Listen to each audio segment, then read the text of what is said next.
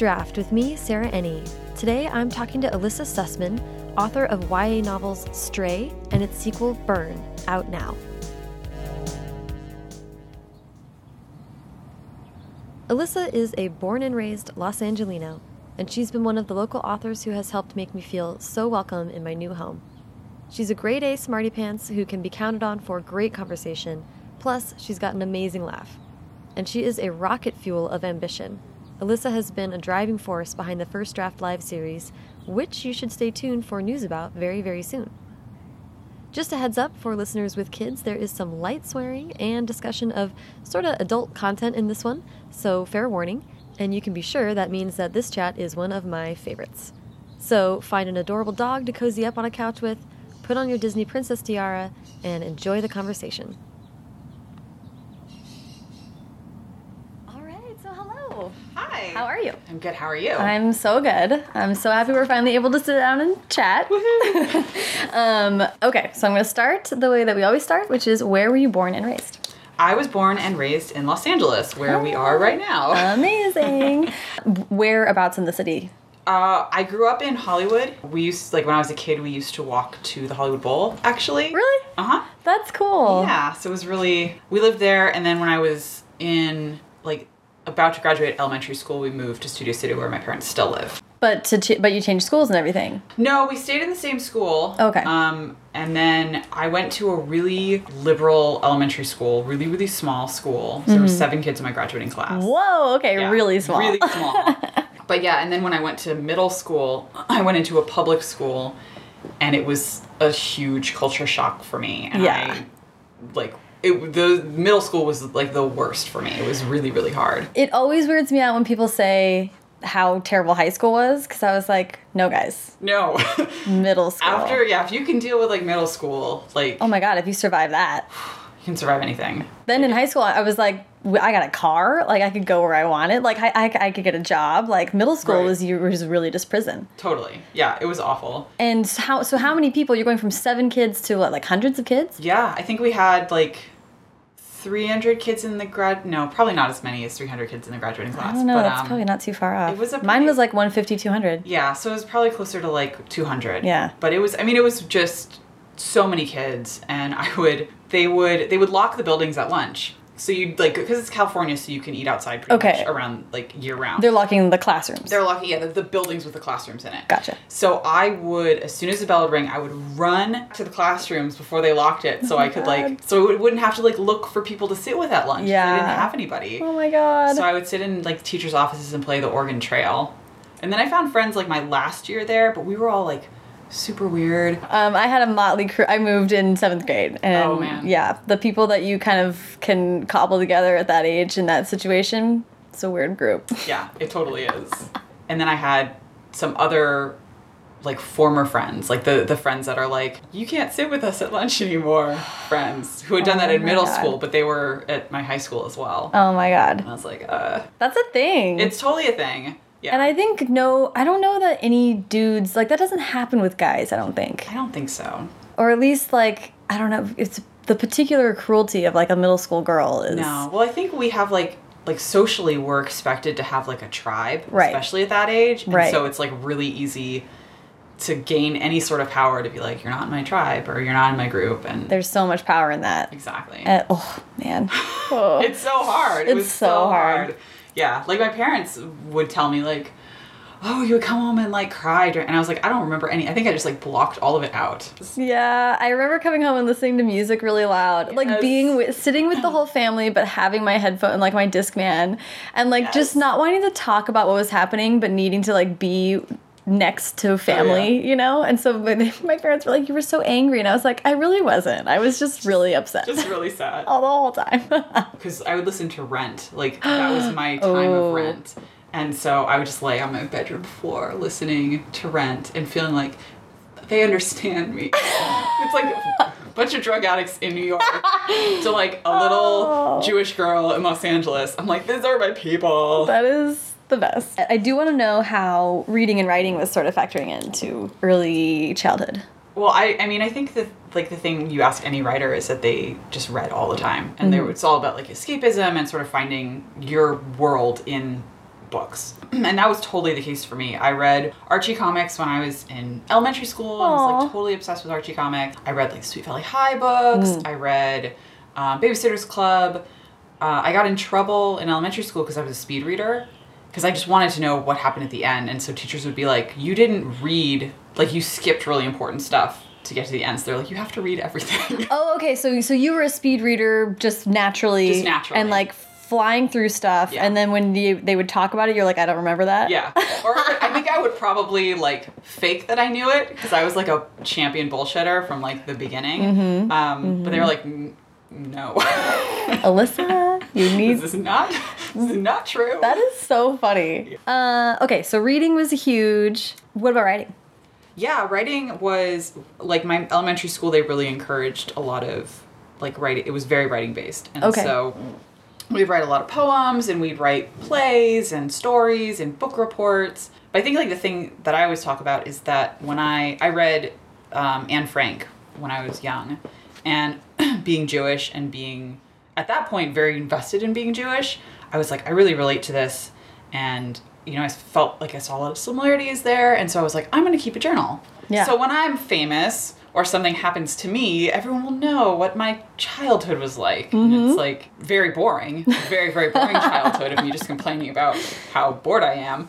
Um, but I mean, I kept a journal from on and off from elementary school through high school and then consistently from high school through college. Wow. So I have like a drawer full of journals. Wow, that's really cool. And it's like it's great because now when I'm writing teens, I really just go back to my old journals. Feelings come back really, really quickly. Mm-hmm. Um, and I had this one because we didn't, we weren't allowed to like swear in my family. Oh, okay. You know, like like bad, like you just couldn't do that. So I had a page.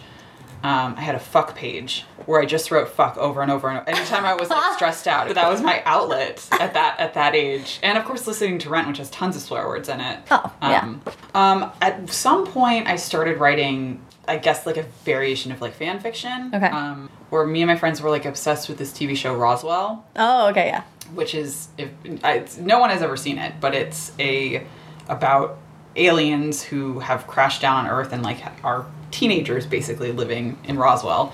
Um, it has Katherine Heigl in it. It's like Oh, one God, of her first she was roles. in it. So we would kind of write. We all had a crush on like this one character, Michael, who was like kind of the like the the bad boy, you know, but he's got like a secret soft side. Oh, of course. You know, and the like love hate relationship with this other character, which is like a favorite trope of mine. You know, Mm-hmm. like we are so angry at each other, let's make out, and then it's like the best thing ever. Um, so I wrote. I think a lot of there's a lot of like fan fiction or stories loosely inspired by that dynamic Mm-hmm. or that world, and I would like give them to my friends, and they would like be like, "Oh, we really like this," and you know, do this and do that That's cool. So I love fan fiction and I love how I actually like super love hearing stories like yours because fan fiction is such an organic thing. totally. It's just really how a lot of storytellers get started. Mm-hmm. Diving into this one world that you already love and figuring things out.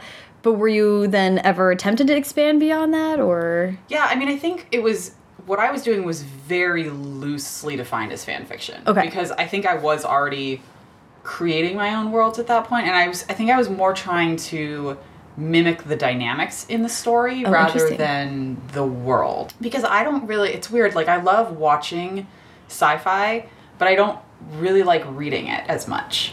Like I like all of my sort of major instrumental TV shows that I watched were all like sci-fi based, like X Files and Roswell and all that stuff, and later Battlestar and Star Trek and all that stuff. But um, I never really read any sci-fi fiction. I read fantasy. Yeah, you know what? Uh, I am really relating to this really hard right now. and I wonder why that is. Yeah, I think it's because it's harder to find good female characters, and there at least it was when I was, and there wasn't as much sort of like YA stuff. Right. So now it's like, oh my god, yes, there are so many amazing sci-fi YA stories, Mm-hmm. but I felt like if you were reading sci-fi when I was reading it and you didn't really like I wasn't someone who was going to go to a bookstore and be like, "Hey, bookstore person, please, you know, tell me a book." I was Mm-hmm. going to go and grab something from the shelf and like not speak to the cashier as I checked it out because I was like so shy and so afraid of people Aw. you know, now when you're online, it's like it's so much easier if you are socially anxious or you are still figuring out how to communicate with like people outside of your family like it's a lot easier to find things Mm-hmm. but then i was just like i don't know it felt it felt very much like a like that's guys it was like a guys thing and, and guys um had role models and characters and Yeah. worlds in there and it was the women in there were girlfriends or Damsel type. damsel type stuff and i felt that i that was also the case with um, adult fantasy novels but i had um, like the redwall series was a, a series that i totally loved and then um, dealing with dragons by patricia c wrede like i think is the whole reason i write ya and the whole reason i love it Really? yeah. So I read it when I was a teen, so it was like the perfect age.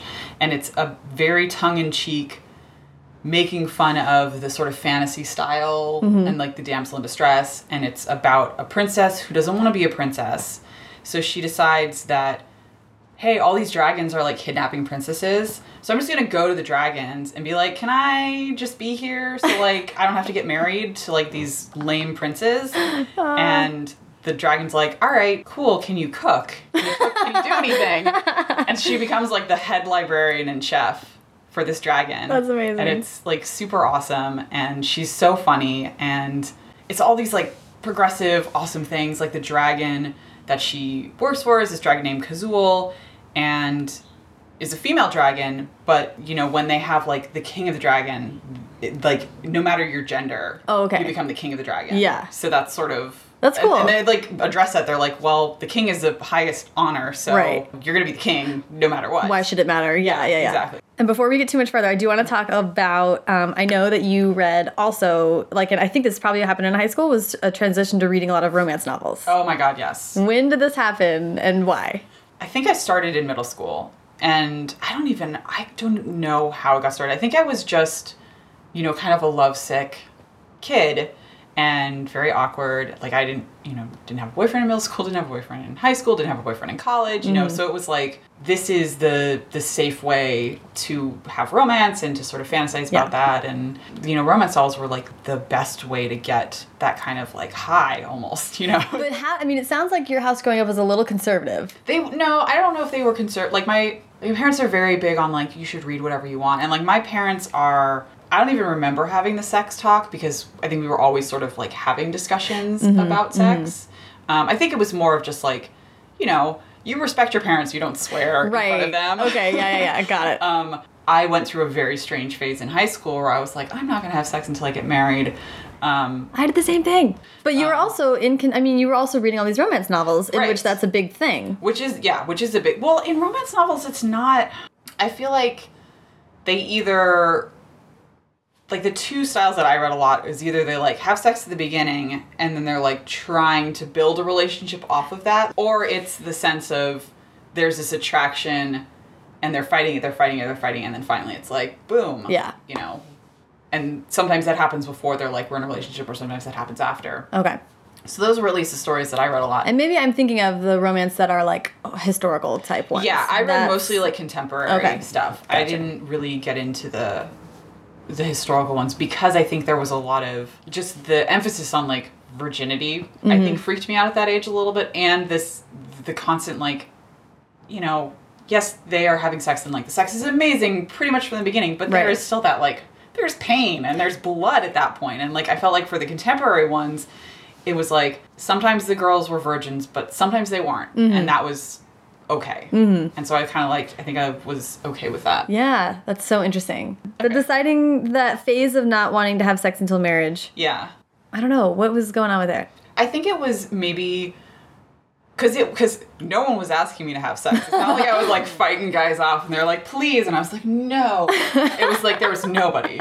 So I think it was a bit of like this Like taking control of taking that. control and being like, "It's okay. I'm gonna wait, and it's gonna be fine." Right. Um, it did not like it was not a mindset that lasted very long. Mm-hmm. Um, I think it was. I went to a very uh, like my high school was also very liberal, and we talked like we had this one year when I was a junior.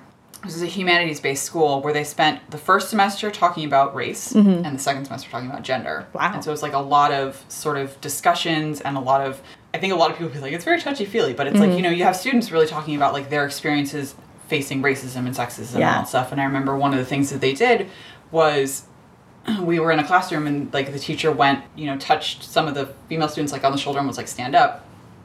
And they and he was like, okay, look around the room. Statistically, this is the amount of women that will be raped in this room. So Oh, you know, it was like kind of stuff like that. Wow. And a lot of like consciousness raising that we did. And those were kind of the discussions that we had as juniors in high school, which is crazy. That's amazing. Yeah. So a lot of that kind of stuff informed my writing, my way of thinking, and I think that was sort of probably where the whole like I'm saving myself for marriage was kind of just like mm, I don't know if The world seems pretty uncertain yeah about exactly. things. I don't really know if that is a good Yeah. you know sort of thing to keep to keep uh, pushing forward. Yeah. As far as like my gender and how women are treated in this world and So interesting. Yeah. Um, well, okay. I did want to ask about reading romance novels from a young age Mm-hmm. in this context, which is uh, when I talk to people who write horror uh, or read horror. A lot Mm-hmm. of people, I think, at that at the age that you got into romance novels, went like the other direction and were Right. reading like crazy Stephen King type of shit. Right. But the discussion I have with them a lot is like is about reading those stories so young but because when you're a reader and not as opposed to a viewer the scary stuff or what you don't understand can sort of just pass over you and you sort of take from a story what you're like capable of dealing with. Mm. So i'm curious about whether that also applies you think to what was going on with romance novels. Because like romance and sex there's a lot of power struggles and things like that that are like really mature. Yeah. and if you're maybe set in seventh grade reading it it would just be a little bit over the head maybe? I don't know. I mean, I think what I got, maybe not at that age, but like maybe was sort of the seeds were planted of it, was a sense of I know what I like, mm-hmm. And that means I don't have to be dependent on someone else mm. for it, mm-hmm. um, and I can get it from myself. And I mm-hmm. don't need to, you know, so there's not that kind of sense of like, like there is, you know, Yeah. the desire for like, I want, you know, love and comfort and all that stuff, but like, on this like the sort of sexy time aspect it was like i don't need to worry about yeah i don't need to worry there about There doesn't like- need to be an equation for that. Exactly. it actually it's is like all good i can sort of figure that out on my own which i think is a really good thing for young because i think Yeah. yeah because i think that like there is in high school we read a lot about it's just in literature in general about men and their desires and Yeah. their you know urges and all oh yeah stuff we hear a lot about that we hear a lot about that and so i think it's very common for women to have like a guideline for how men get off Mm-hmm. and so i think it sort of started giving me my own guidelines for myself Yeah. being like all right i don't need to you know i don't need to be dependent on someone else. Because there you know i think there's just a sense of women their bodies are so mysterious and like like in the romance like the romance is the extreme is like is like the right guy is going to get you off and that's the way it is. Right. and then the uh, like the literary extreme where it's like women are kind of just frigid in general. Right. Um and sort of being like all right well from my personal experience you know i know how it is possible Mm-hmm, to get like turned on and to get off and all that stuff this is getting very i'm so into very this. risque. i'm super into this. Um, but it's you know so it's that sense of like when you do get in when you get into the position and you're emotionally ready yeah. you're like it's not that hard. I know i know what i like. It takes away like some of the sheer terror that could Yeah. come along with with a first kiss a first experience like Right. all that stuff. Yeah Ooh, that's super interesting. And I love the dichotomy you set up between those two things of the romance is like, oh, and then the guy will come along and he'll have nothing but a rapturous desire to fulfill you in every way. Exactly. Versus like Catcher in the Rye shit that we were reading, which is like he couldn't care less and you should Right. just lay down and let him experience his right whatever. exactly Um like i was very i was actually more invested in my first kiss which came later in like sort of in college actually um like my first what i would consider my first like real kiss. Mm-hmm. whereas like my first time having sex which also came later in life that was such like a non thing at that point. Ah. Because i was like dude i know how good it is. Like and, and then when and then when it's sort of like with that person when it wasn't sort of as good i was like i'm out of here like forget it Oh, that's so interesting. You know, so yeah, it's- like it's not worth sticking around for this. I know it can be better. i know it can be better Yeah, yeah, yeah. and Instead of having a hang up about the physicality that a lot of people do when they are less self aware. right and i think it was also a sense of it's not me you That's know? incredible. I mean, because I think that we could rightly argue and do um, at length as writers about how narrative like helps you construct or recognize situations when you are then in them. Mm-hmm. And that's true for like so many other emotional outlets, but I don't think we talk enough about how for women that's like a hugely empowering part of reading Right. that much romance and explicit text textual sexual encounters written for women by Yeah. and for women hugely. Yeah. In Burn, actually, there's a there is like a sex scene. There's no there's very very little romance and, and sort of sex stuff in in Stray, but in Burn, because the character is more mature, um, and this and it is meant to imply that the guy is a virgin Mm, okay. and she's not, and she knows what she's doing and is showing him. How to help her. Yeah. you know, in that situation. Um, and I sort of was thinking, like those two. It's funny because the two characters in these two books are are definitely like the different aspects of me as a younger person, Mm. and then maybe me as an older person, mm-hmm.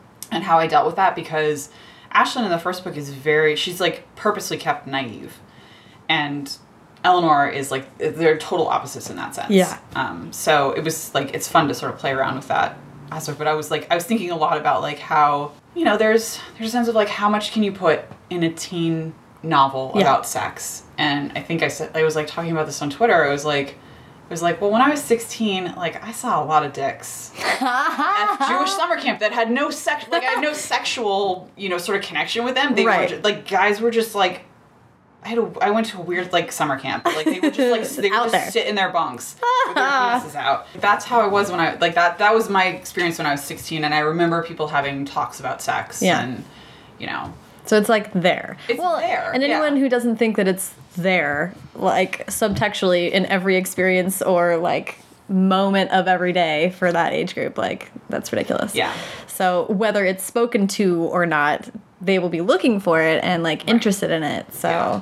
I, th- I think we do as like adults want to sort of deny that it was there, Mm-hmm. but it's you know I think it's kind of damaging to be like no it's it should it shouldn't be there even though it was when you know when or t- to just deny that you had those thoughts and be like Mm-hmm. Yeah. I don't know I was I was above all that stuff. let's see. Okay, well let's um let's go ahead because you talked a little bit about college. Yes. So you went to a super smarty pants school. Let's talk about it. I didn't I don't know if it's like super smarty pants school. It's a Yeah, it is. very um well I went to Sarah Lawrence, which most people know as the school that Julia Stiles' character goes to in Ten Things I Hate About You. Which it definitely is great. which is amazing. um, and actually, um, Larisa Oleynik, who plays her sister, Alex Mack? Alex Mack, was Yeah. there when I was there. Are you serious? I met her once. Um, and it was funny because it was like, "Hi, I'm Melissa," and she's like, "I'm Larissa." And I was like, "Our names rhyme." Goodbye. We'll never see each other again. Oh. Um, so Sarah Lawrence is a very, like my high school, very writing based. Um, they don't, I don't know if they still do this, but they didn't look at SATs. really? Yes, they looked at your. They you had to do a few more essays for them. Oh, okay. So they used to, they looked at essays and they would write you handwritten notes on your acceptance letters Oh, wow. Um, because it was it's very small. I had already decided I was going to UC Santa Cruz, Oh, really? home of the banana slugs. Yes, I love UC Santa Cruz and Right, all this banana slugs. super awesome school. paraphernalia. And I had my my best friend Julie had they had, Sarah Lawrence had sent her an application. Mm-hmm. She was a, she was like a you know valedictorian in my high school, very very smart. Mm-hmm. Um, and she was like, ah, it doesn't really seem like my kind of school. She she ended up going to Berkeley, and she was like, "The- you know, kind of looks like your kind of thing. I got a note back on you know they sent me the acceptance letter and they you know said we are looking forward to like getting to know you as like a as, as a student and a feminist because i had like written something about feminism and I was like, Whoa. all right, I have to go I'm check in. this school out. Yeah. my parents were like, oh my God, it's like the most expensive school in the country. So please, please really, really want to go. And I Yeah. like I do. And so it was, it was really great. Um, it's a, like, yeah, it's a very, very small school. The classes are sort of like workshop style classes. So it's like 15 people. You sit around a table and you, you're sort of doing two classes at the same time um, because you're doing what everyone else is doing, you're doing the reading for that, and then you are supposed to be doing a con- like a conference paper, and it's a variation of what you're learning in that class. So I was taking a women's history class. Okay. So we're doing everything that you know everyone else is doing. We're all reading the same stuff, and then you meet with your professor every other week and talk about this like individual project. So I did a paper on the history of female characters in Disney movies Ooh. which actually s- sort of inspired a lot of stuff that became Stray. I'd love to talk more about your thesis and sort of also how that ties into like what else you were focusing on. Like what did you spend most of your time? I did a lot of theater Okay. the beginning of college because I had a very misguided notion that I was going to be an actress. Um, except I have no acting skills at all. Like I am terrible. I'm a terrible actress. Did you want to do musical theater? Oh yes, I can't dance or sing either. but Oh, okay. and I had done and I did musical theater when I was a kid. I did the programs where it's like everybody gets a part. Mm-hmm. You know, so it it really wasn't any indication that I was skilled in any shape or form. Mm-hmm. Um, but I, you know, I just I loved musicals so much, so I was like, I really want to do this. But yeah, no no skills. I sort of gave up on that my first year in college and ended up moving over to like producing. And Sarah Lawrence has this really cool program called Downstage where you are taking a class, but you are also producing a year of theater. Basically, you have your own black box theater. oh, wow. And so your teacher is sort of instructing you on like this is what how this is how a theater would be run. Okay. And everyone gets their own um, job. So I did the dramaturgical stuff, which is a lot of like research um, and sort of knowing the history of plays. And you know, if you go to the theater and there's like there's usually like a note about it and about the production. Usually the person who writes it is the dramaturgical um, voice in the Okay. theater department. Interesting. Yeah. We put on a whole season, so we did seven plays. Wow. Um, and In so one it's year. Like, That's yeah, in one year. crazy. And so the the role of like our role was to we would pick the plays. You know, you pick the director. You facilitate like casting. Yeah. You work with the director to make sure everything happens. Wow. I was the youngest because I was a sophomore and everyone else was a junior or a senior. And I produced was the only one who produced anything by myself, and it kind of was a bit of a disaster. um, and then we ended up doing a show at the end of the year that I really was proud of called Jesus Loves Good Christians, which was written by a student um, a, who's still a playwright. She's Wow. this amazing playwright, Adrienne Dawes. And it was, you know, all about like evangelicalism and all that stuff. It was Ooh, that's so cool. it was so amazing. So, but I sort of left the theater. I did a little bit of theater stuff on like after that. I produced um, the Vagina Monologues, Mm-hmm. but then I mostly moved over to women's history and to fiction. okay I okay. was focusing on Um, and studying fiction. and studying fiction. Yeah, going to doing fiction workshops. Um, I have this. It's strange though because I actually hate literature classes, and I have a really really bad history with with literature teachers. Especially. Oh, really? Oh yes. Let's I get into it. What happened? I had a teacher in in high school who was just the, he was just the worst. He was just a, this awful, awful, inappropriate teacher. Um, he read Angels in America, which is this play. So he read like there's like a sex scene like the, where I think Prior as the main character has like a has a sex scene with an angel, and he like read it out loud to our class. Like it was kind of that kind of stuff that it's a little weird. Um, Like gets weirder the more you look back on it, and yeah, the older exactly. you get. and you're like, this is so not appropriate. yeah. Um, and I think at one point I I started questioning his authority on like you know because he would present his interpretations of literature as fact, Right. Which I think a lot of bad literature teachers do, and I really started arguing with him about it. I was like one of his favorites at the beginning, and then towards the end, he was like, "What's what's your deal?" And I remember he tried to keep me from graduating because he accused me of like not returning a book. I don't think he actually would have like. It was just sort of him being trying to pull his weight around. God, oh, Jesus. I swear I have really bad, really bad. That's so intense. with them. Um, and then I had a, another teacher like that in in college where he was a literature teacher, but he was he taught um, theater, like plays and like Shakespeare and all that stuff. Mm-hmm. And so all of the theater kids really loved him because they get their literature requirement and still, you know, sort of get all their you know fun theater stuff. Oh, it's like yeah. a really easy theater class It wasn't a theater class. Um, and I was doing, I had gotten this amazing internship at Disney Theatrical in New York City, and I was like, "Can you sponsor this so I don't have to like pay for extra credit, like extra credits to do it?" And he was like, "No, because I think that Disney is ruining American theater." And I was like, "You know what? That's really not." helpful to me and i don't really care what you think about Yeah, what the hell? like this is this is my education um, and it, it was a, such a good internship, and I ended up having someone else sponsor me. But I was just like, "You're such a jerk," you wow. know, like Not necessary. totally not necessary. So that's kind of my track record with uh, Well, listen. literature. I don't blame you. Yeah. So, so you, but you studied literature, but you didn't get an English degree. You didn't go. No. Okay. Sarah Lawrence doesn't have majors, Okay. so Got I it. have a liberal arts degree, which I love it. super useless. I love it. Um, All you need is yeah. a degree anyway. I just so. need a degree. Yeah. Yeah. And now I'm getting a master's in fiction, and that will be just as useless. So I love it. Who Listen, you're using it. I'm gonna Um, figure it out.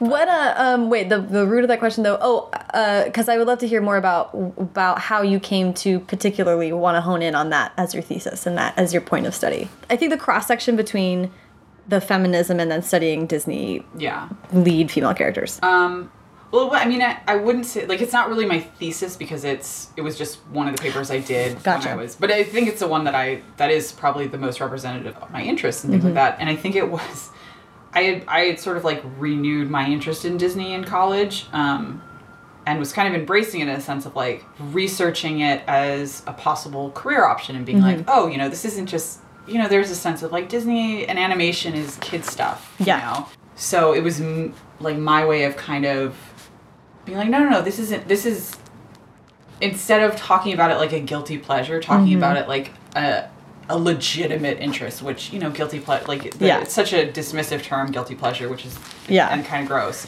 Um, but it was like me sort of being like, no, no, no, this is something that I'm really interested in doing, and you know, sort of why I got my that internship at Disney, and and that was all my intent to, to work in animation. I when when I was taking this class, I remember just trying to think about like what aspect of women's history or feminism do I want to focus on, and then it was kind of like, oh, I really love animation.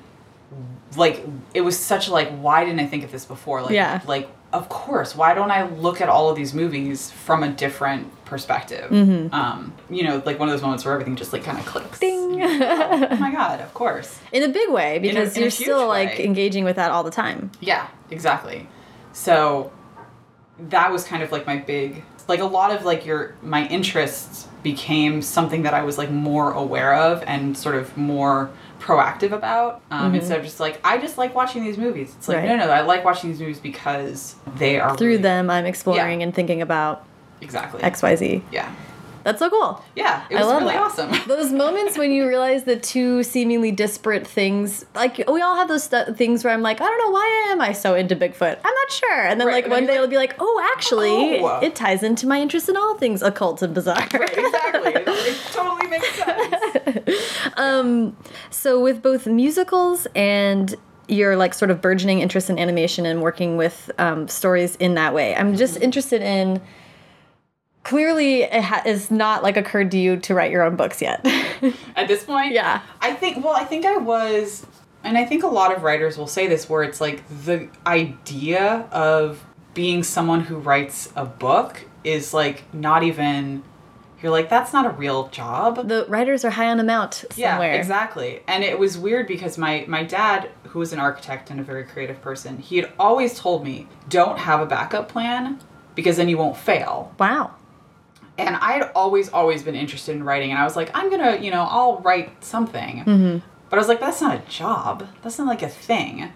And then when I was in college and I was doing fiction workshops, everything that I learned from them was the way that you get published is you write short stories, Hmm. you submit them to literary magazines.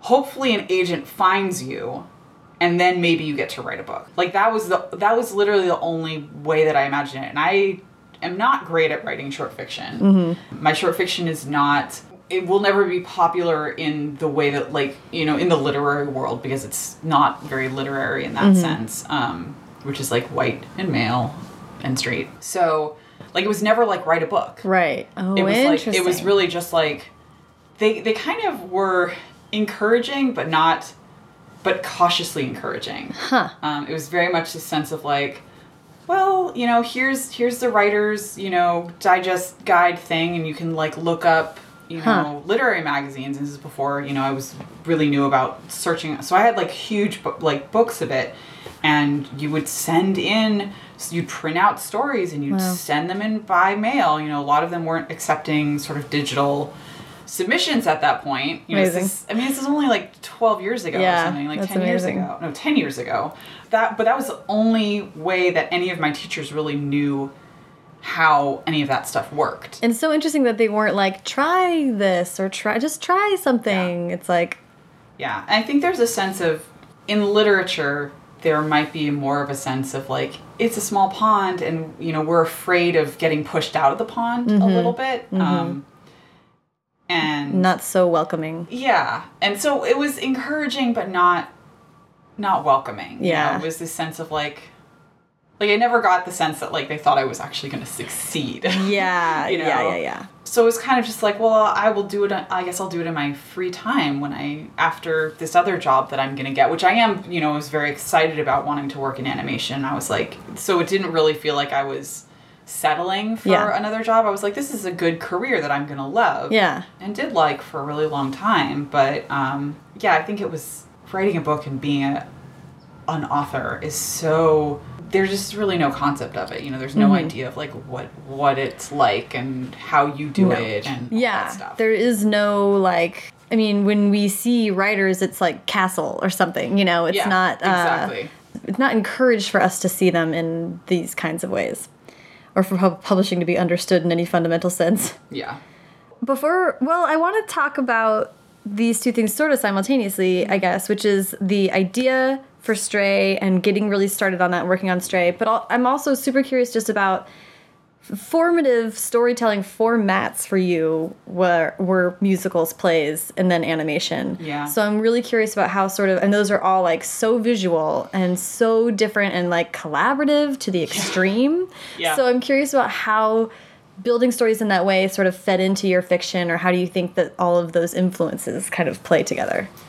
Um, I think it's it's so funny because I they are very like collaborative and it's is really interesting that like those are kind of all of my influences. Um, and I am a very solitary worker. Like I don't even like I have a hard time writing in public with other people. Like Right. I write alone in my apartment and I write there's no music. I don't listen to music while I write. It's totally silent. I think it's it's that maybe I really loved um, I really liked the stories that were being told through those mediums and I think it's a lot of fairy tales and a lot of like musicals and animation, especially like Disney animation is is considered very feminine. You know, it's very it's a very female the audience is very Right. female focused even though most of them are still created by men Right. um, which is totally crazy to me. But um, but there, you know, the audience is very female, and it's very, it sort of embraces extreme emotion, which I like, and I love. I think I just really like being overwhelmed by things in in those stories, like like small moments and things that you're just like, oh my god, you know, like all of it is coming together to make this this final moment really magical and really special. And like and the magic part of it i think is like a huge thing. There's always been uh, like this escapism element and like just this sense that it is otherworldly and magical and not something that happens in real life and that's okay. Right. um, i think i am just like maybe attracted to like the sense of magic in that world and which is you know. And they're all like romance novels, musical theater, and theater generally. I mean, but in particular, I think you musical theater and animation, th- the Disney stuff that you're mostly interested in, mm-hmm. are all three also very often playing with genre and tropes and like telling these sort of macro stories with micro elements yeah.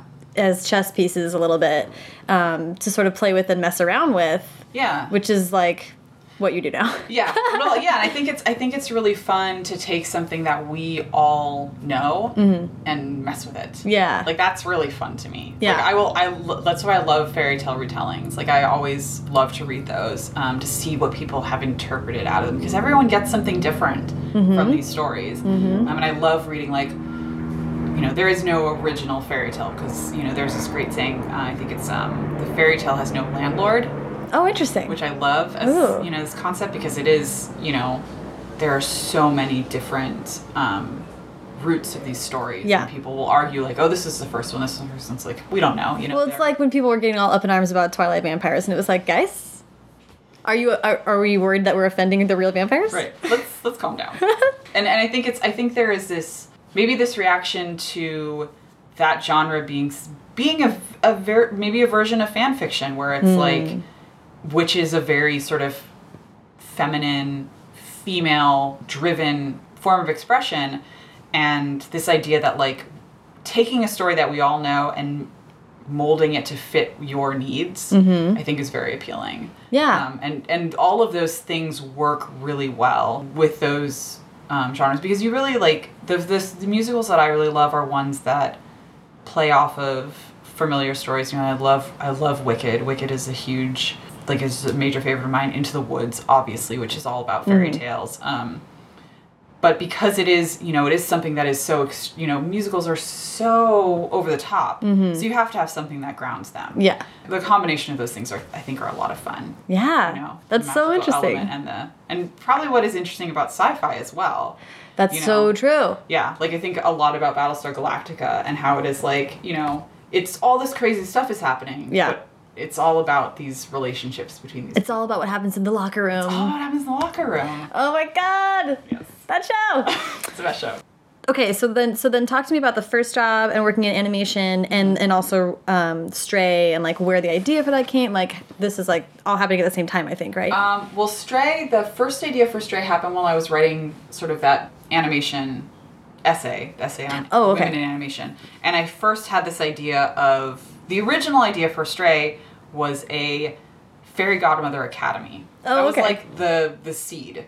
Um, just this concept of like you know because when the fairy godmother shows up in the Disney Cinderella, she is this kind of frumpy lady, and she basically just shows she's kind of like scatterbrained and all this stuff, and she basically just shows up to like help Cinderella out and then leaves. But she's like all this magical ability, Mm-hmm. Yeah. And I was like, where like what's her deal? Like Yeah. what's going on? And the same thing happens in Sleeping Beauty with the fairies, and and they're you know the sense of especially in Sleeping Beauty where you have you basically have three different kinds of women. You Mm. have Aurora who is the pure you know, innocent love interest, the beautiful one, the one Mm-hmm. everyone falls in love with. And she kind of doesn't really do like she does everything. Doesn't do a lot. Yeah, she doesn't do a lot. She's unconscious most of the time. She's unconscious most of the time. She gets all of her help from her fairy godmothers who have all this magical ability, but they are very sexless. right. You know, there is no sexuality Respected. at all. but sexless. Kind of respected. Yeah, kinda. Like they th- They're like invited to stuff. yeah, but everyone thinks they're kind of like a little weird. Right. No one's threatened by them. Whereas Right. you have Maleficent, who is like, she's like sexy and dangerous and all this stuff. And so it sort of,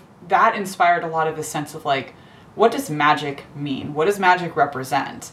And so this idea of like, if you have magic, it's okay as long as you are using it to help the beautiful princess not for if the minute you use it for yourself that is not cool that is really dangerous Yeah. um, and so it's sort of be i mean stray it's a metaphor for female sexuality Yeah. in essence and just this sense of like we are so freaked out by this we want to control it and, And who's we?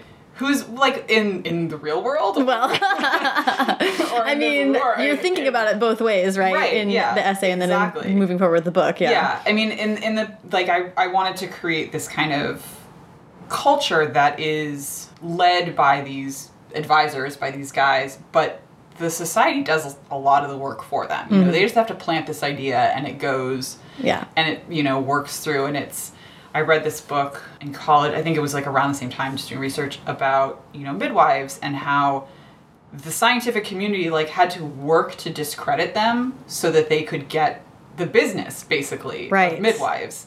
Um, and that was by making them people afraid of them by like witchcraft and making people think that they were witches. And so i was like this is you know all this stuff in this in stray is like this stuff that happens every day in our culture. And that's the exact kind of like deep rooted sexism that exists and mm-hmm. how it works you know Right. you make someone afraid of the thing that makes them different and then and it's so crazy because it's like when I read reviews about about Stray, which I don't anymore, but I think there was a lot of sort of frustration in the sense that people were like, "Why doesn't Aislynn get that magic is cool?" Because you know Harry Potter, magic is super awesome. You know, our, we think ima- immediately of magic as being like super awesome. People are like, "Why doesn't she see that it's awesome?"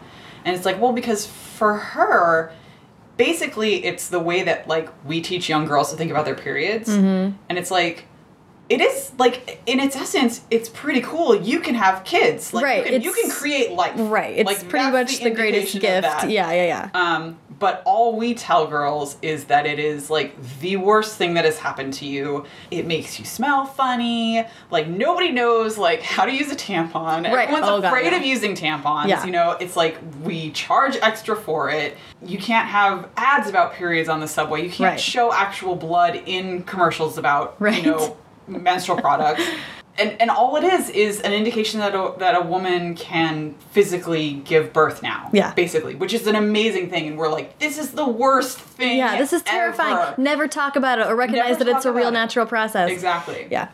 and especially like when you're a teenager, that's like when all that stuff is happening. Yeah. So, I think it's hard for people, you know, the immediate like interpretation is like magic is awesome, and it's like, but this is not. That it's not magic. Harry Potter magic, Yeah. you know. This is this is getting your period magic. Yeah, like and it yeah. sucks. It totally sucks. I like it. Your period magic. That's getting so your period great. magic.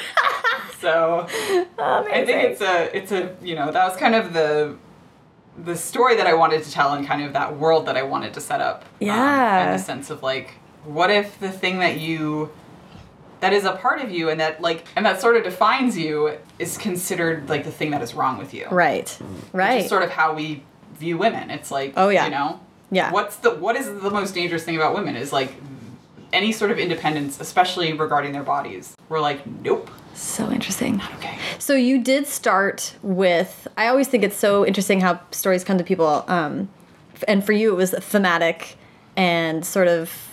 I mean, you you had the metaphor. You sort of started with Yeah. like the the big overarching. Well, I think yeah, the because I did a very early version of Stray. It had a different title. It, had, it had dragons in it. Mm-hmm. Ooh. It was my fan fiction version of dealing with dragons, Mm-hmm. basically. And the main character was like a dragon activist and all that stuff. That's amazing. It was totally ridiculous. But there was still sort of the a little bit of the magic there. Mm-hmm. And then I was working on it for like eight years or something. I mean, just sort Mm-hmm. Of like not like because that was when I was started working in animation. Mm-hmm. So anyone who works in animation knows like that is your life. You Mm-hmm. know, you're working really really long hours. Um, and then when I um, sort of took a break from that is when I was like, all right, I'm gonna focus on this book and I was like I'm going to use this time off and I'm going to write it. And so Mm-hmm. I like wrote the the draft of Stray I think in a month. Really, Yeah. With Stray, even from the very beginning. To what extent were did you know you were writing a young adult book, or when did the age group kind of come into it? I think it was always a young adult book. Okay. Um Because Disney store, I mean, all the stuff that you have, and Yeah. fairy tales are all about young women. I mean, this is all sort Yeah. of targeted. I think it was it always was about a teenager, but when I started writing it the young adult sort of marketing or you know category didn't really exist. Right. And Hunger Games came out, I think, when I was really, like, at least it took off when I was really sort of sitting down to write it. So it seemed more possible that there was an audience out there. This concept of, like, oh, I know how to pitch it to people. And there was a lot more information out there because Yeah. of all of that. So Yeah. there was, you know, people who were writing um, young adult lit and.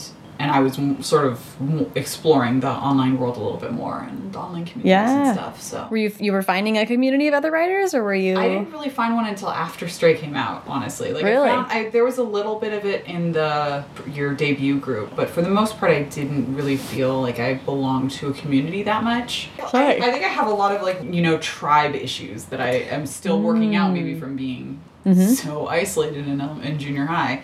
Is there any factor of that that's happening in Stray and Burn, the tr- tribe and belonging? Yeah, I think um, in those books I really wanted to give those characters like a community. Yeah. Um, Aislynn is very isolated at the beginning. She's Right. very much how I was in element in junior high, where you know kids are just making fun of her, and. Yeah. she's she has a friend who's not really her friend. Yeah. Um, and there's a lot of like trust issues with getting to know other women, but Yeah. like there is a sense of like it is important to have them. Yeah. Um, and Eleanor is much more dependent on her friends, and Mm-hmm. she has a stronger community. And Aislynn sort of becomes that community in the second book, which Mm-hmm. part of that community, which is really fun. But for them, it's I wanted to have like you know boys and girls as friends, but having like a, yeah like a really strong friendship group. But I think the actually my favorite scene that I wrote in Burn is a scene with Aislynn, Eleanor, and Bridget, and they're getting drunk and talking about the people they have crushes on. Ah,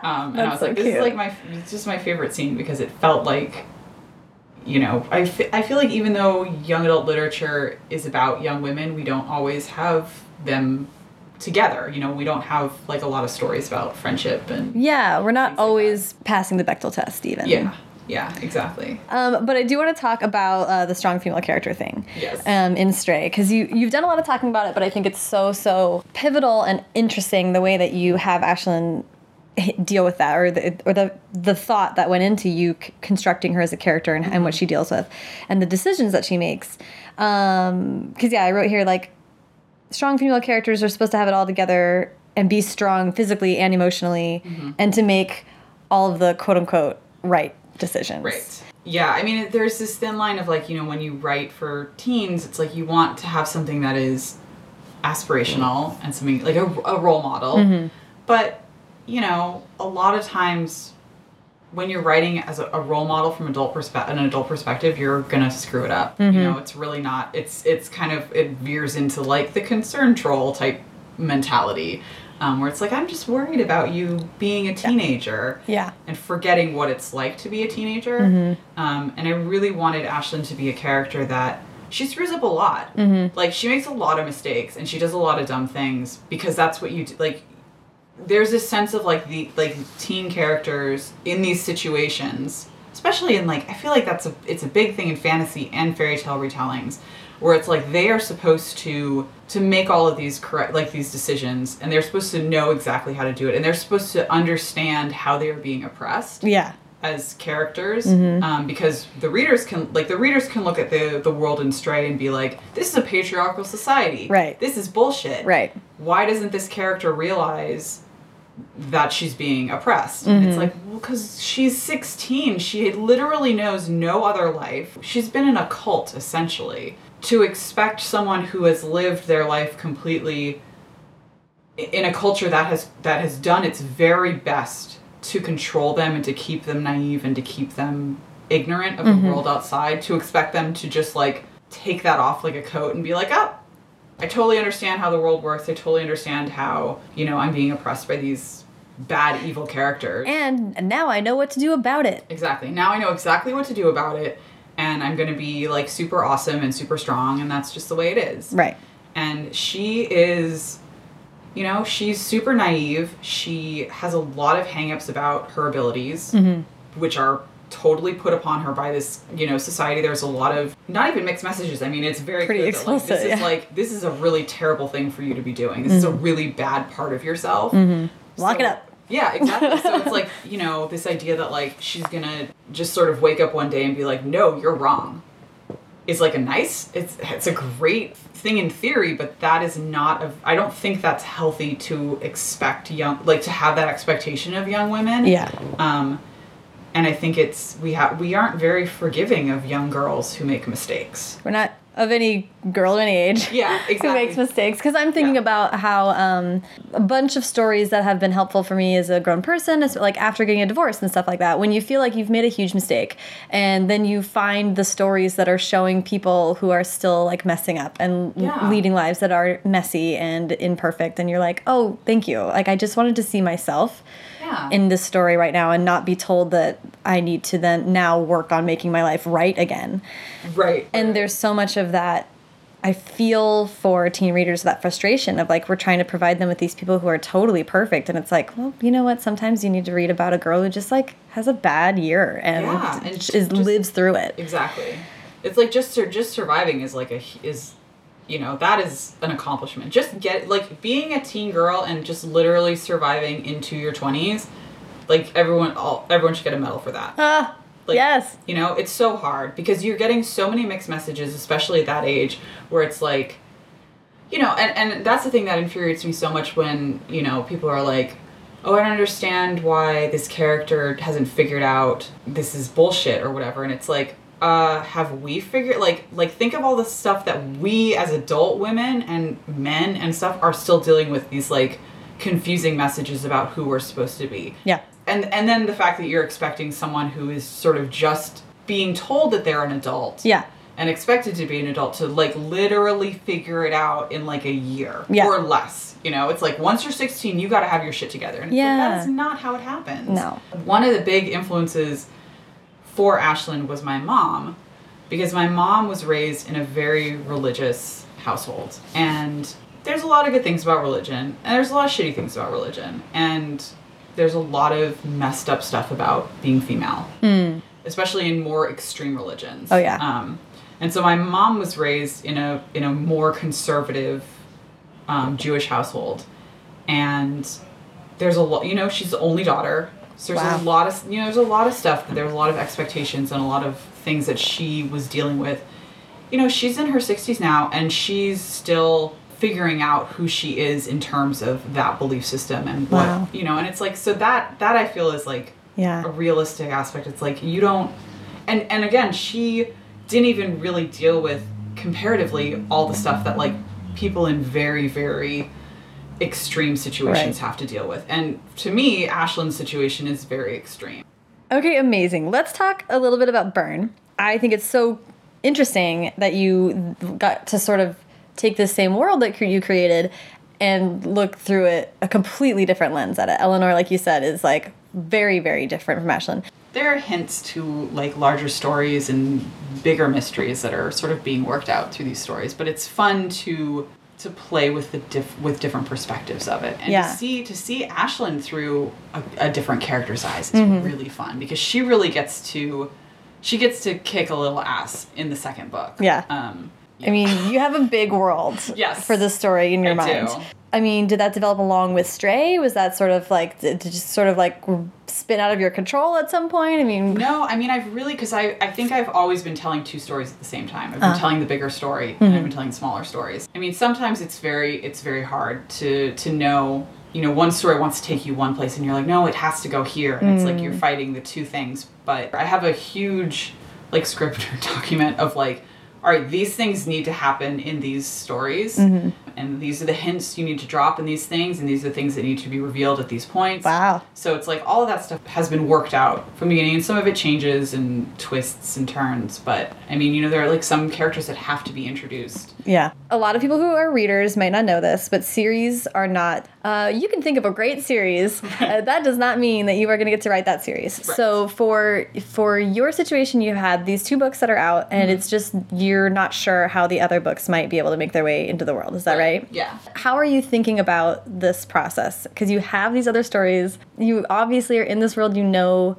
how to tell these stories, and you want to do it. Yeah. So what is the thinking about how to sort of get these out there? Um, I mean, I'm definitely like my goal is that I'm gonna finish the story. If I have to do it, self-publish it and do it on my own, then I will.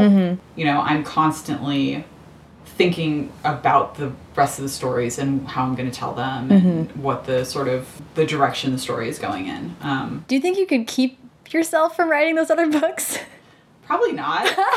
it kind of seems like yeah I not. mean, it was very emotionally draining to sort of just to deal with a series and to sort of feel like you don't know what's going to happen with it so mm-hmm. there's like a there's an emotional aspect to it that is that is very frustrating so i think like as of now i'll probably write a totally separate book and mm-hmm. then get back to the rest of the series and figure out how i'm going to finish it Does that feel like a little bit of a relief thinking about taking a step outside of this world? It does, but it also feels kind of scary. Mm. Um, I think it'll be. I mean, I'm. I don't know. I sometimes have an inflated sense of it'll all work out. So I'd love to hear advice that you have for new writers, what you would suggest.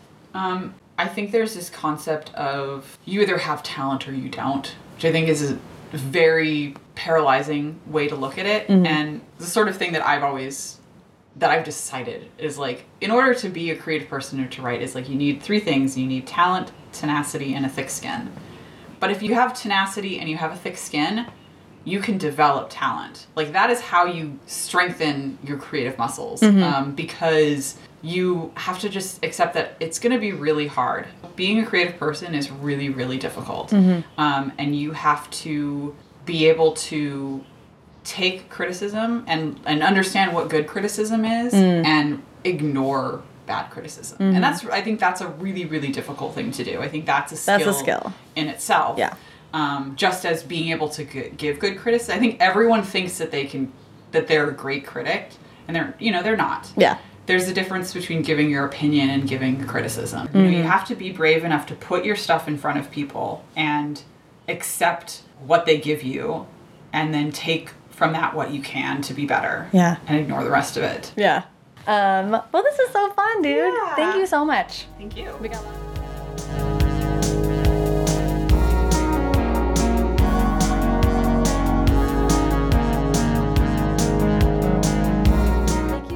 Much to Elissa. Follow her on Twitter at Elissa Sussman, that's E L I S S A, S U S S M A N, and follow me at Sarah Enni and the show at First Draft Pod. You can find the show on Instagram and Facebook, but if you want to find all the links to the things that we talked about in this episode, as well as my favorite quotes and updates on the live event, are available at firstdraftpod.com. If you liked what you heard, why don't you think about leaving a review on iTunes? Every five star review turns a frog into a patriarchy bashing love interest. Thanks so much to Hash Brown for the theme song, and to Colin Keith and Maureen Goo for the logos. And as ever, thank you so much to you, Fairy Godfolk, for listening.